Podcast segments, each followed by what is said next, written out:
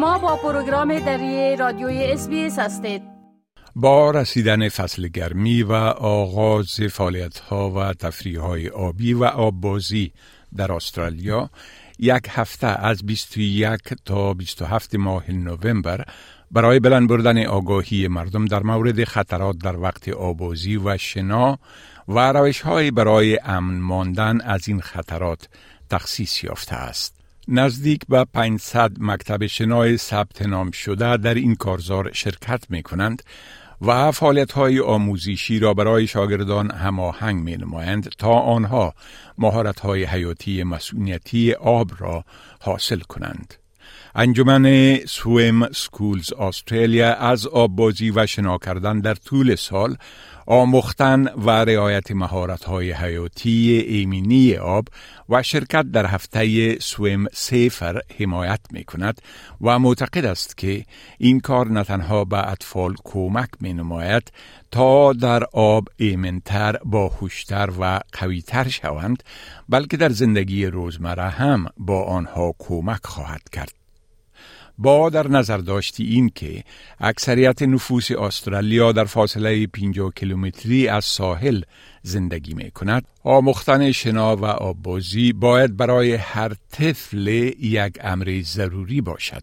ولی در گزارش یک سروی که اخیرا انجام شده گفته شده که بیش از نیمه از والدین استرالیایی یا 56 فیصد آنها مطمئن نیستند که آیا فرزندانشان می توانند خود را در شرایط استراری آب به امنیت برساند یا نه و بیش از یک سوم یا سی و پنج فیصد والدین از مهارت های شنای خود در وضعیت آبی استراری اطمینان ندارند. جیان رونی قهرمان سابق شنای استرالیا نتایج این سروی را نگران کننده می داند. The results of the Swim Safer report are really worrying. Uh, some incredible stats here where 43% of Aussie kids are currently not enrolled in swimming lessons, and nearly half of all parents have no plans to enroll their children in lessons. So we're extremely concerned about these figures, considering that the amount of children who may never learn to swim or will have very basic water safety skills if they aren't taught correctly from a young age. با افزایش 15 فیصدی غرق شدن ها به تناسب سال گذشته و افزایش 24 فیصدی در مقایسه به حد اوسط ده ساله عطف توجه مداوم بر آموزش شنا یک امر لازمی دانسته می شود. خانم رونی ابراز ناامیدی می کند که صرف یک استرالیایی از هر پنج تنشان در مورد مهارت‌های آببازی اطفال خود اطمینان ندارند. It's actually pretty terrifying that only one in five Aussie parents believe their child is a capable swimmer, and more than half are not confident their child could get themselves out of trouble in a water safety emergency. So we've already had an absolutely tragic year of drownings. We're up 15% compared to last year, with 339 people losing their lives. So we've got to get Aussies of all ages in the water taking swimming lessons. It's a life saving skill, and I personally think every person should have.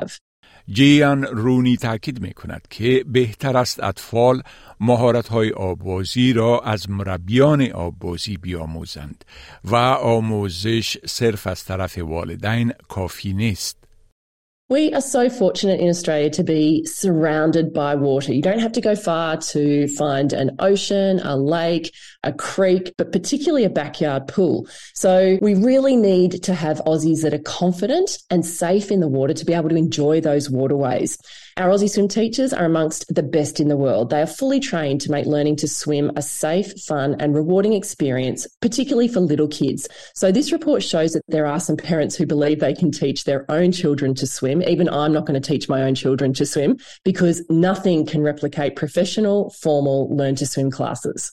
متاسفانه مانعی برای والدین در شامل ساختن فرزندان کوچکشان در کورس های آموزش مهارت های نجات بخش وجود دارد و بیش از یک چهارم یا 27 فیصد آنها معتقد هستند که مصرف شمول در کورس های آموزش این مهارت ها بسیار قیمت است. خانم رونی می‌گوید که ابتکار سویمت فورورد با بودجه به منظور کمک با خانواده ها در پرداخت مخارج آموزش شنا در سال آینده ایجاد شده تا این موانع در برابر والدین کاهش بیابند. We now know that affordability is the number one reason that children are not getting swimming lessons. So the Swim It Forward initiative is a fantastic way that all Aussies can help by donating the equivalent of one swimming lesson.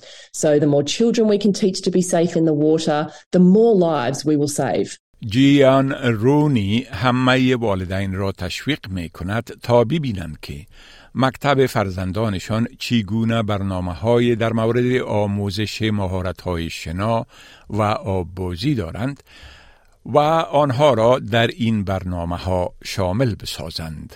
We've actually got over 500 swim schools who are celebrating Swim Safer Week across Australia with a range of events on offer. So we want as many kids as possible in swimming lessons. So we're really encouraging people to go to swimsafer.org.au to find their local school to see how they can be part of this incredible Swim Safer Week. می خواهید این گناه گزارش ها را بیشتر بشنوید؟ با این گزارشات از طریق اپل پادکاست، گوگل پادکاست، سپاتیفای و یا هر جایی که پادکاستتان را می گیرید گوش دهید.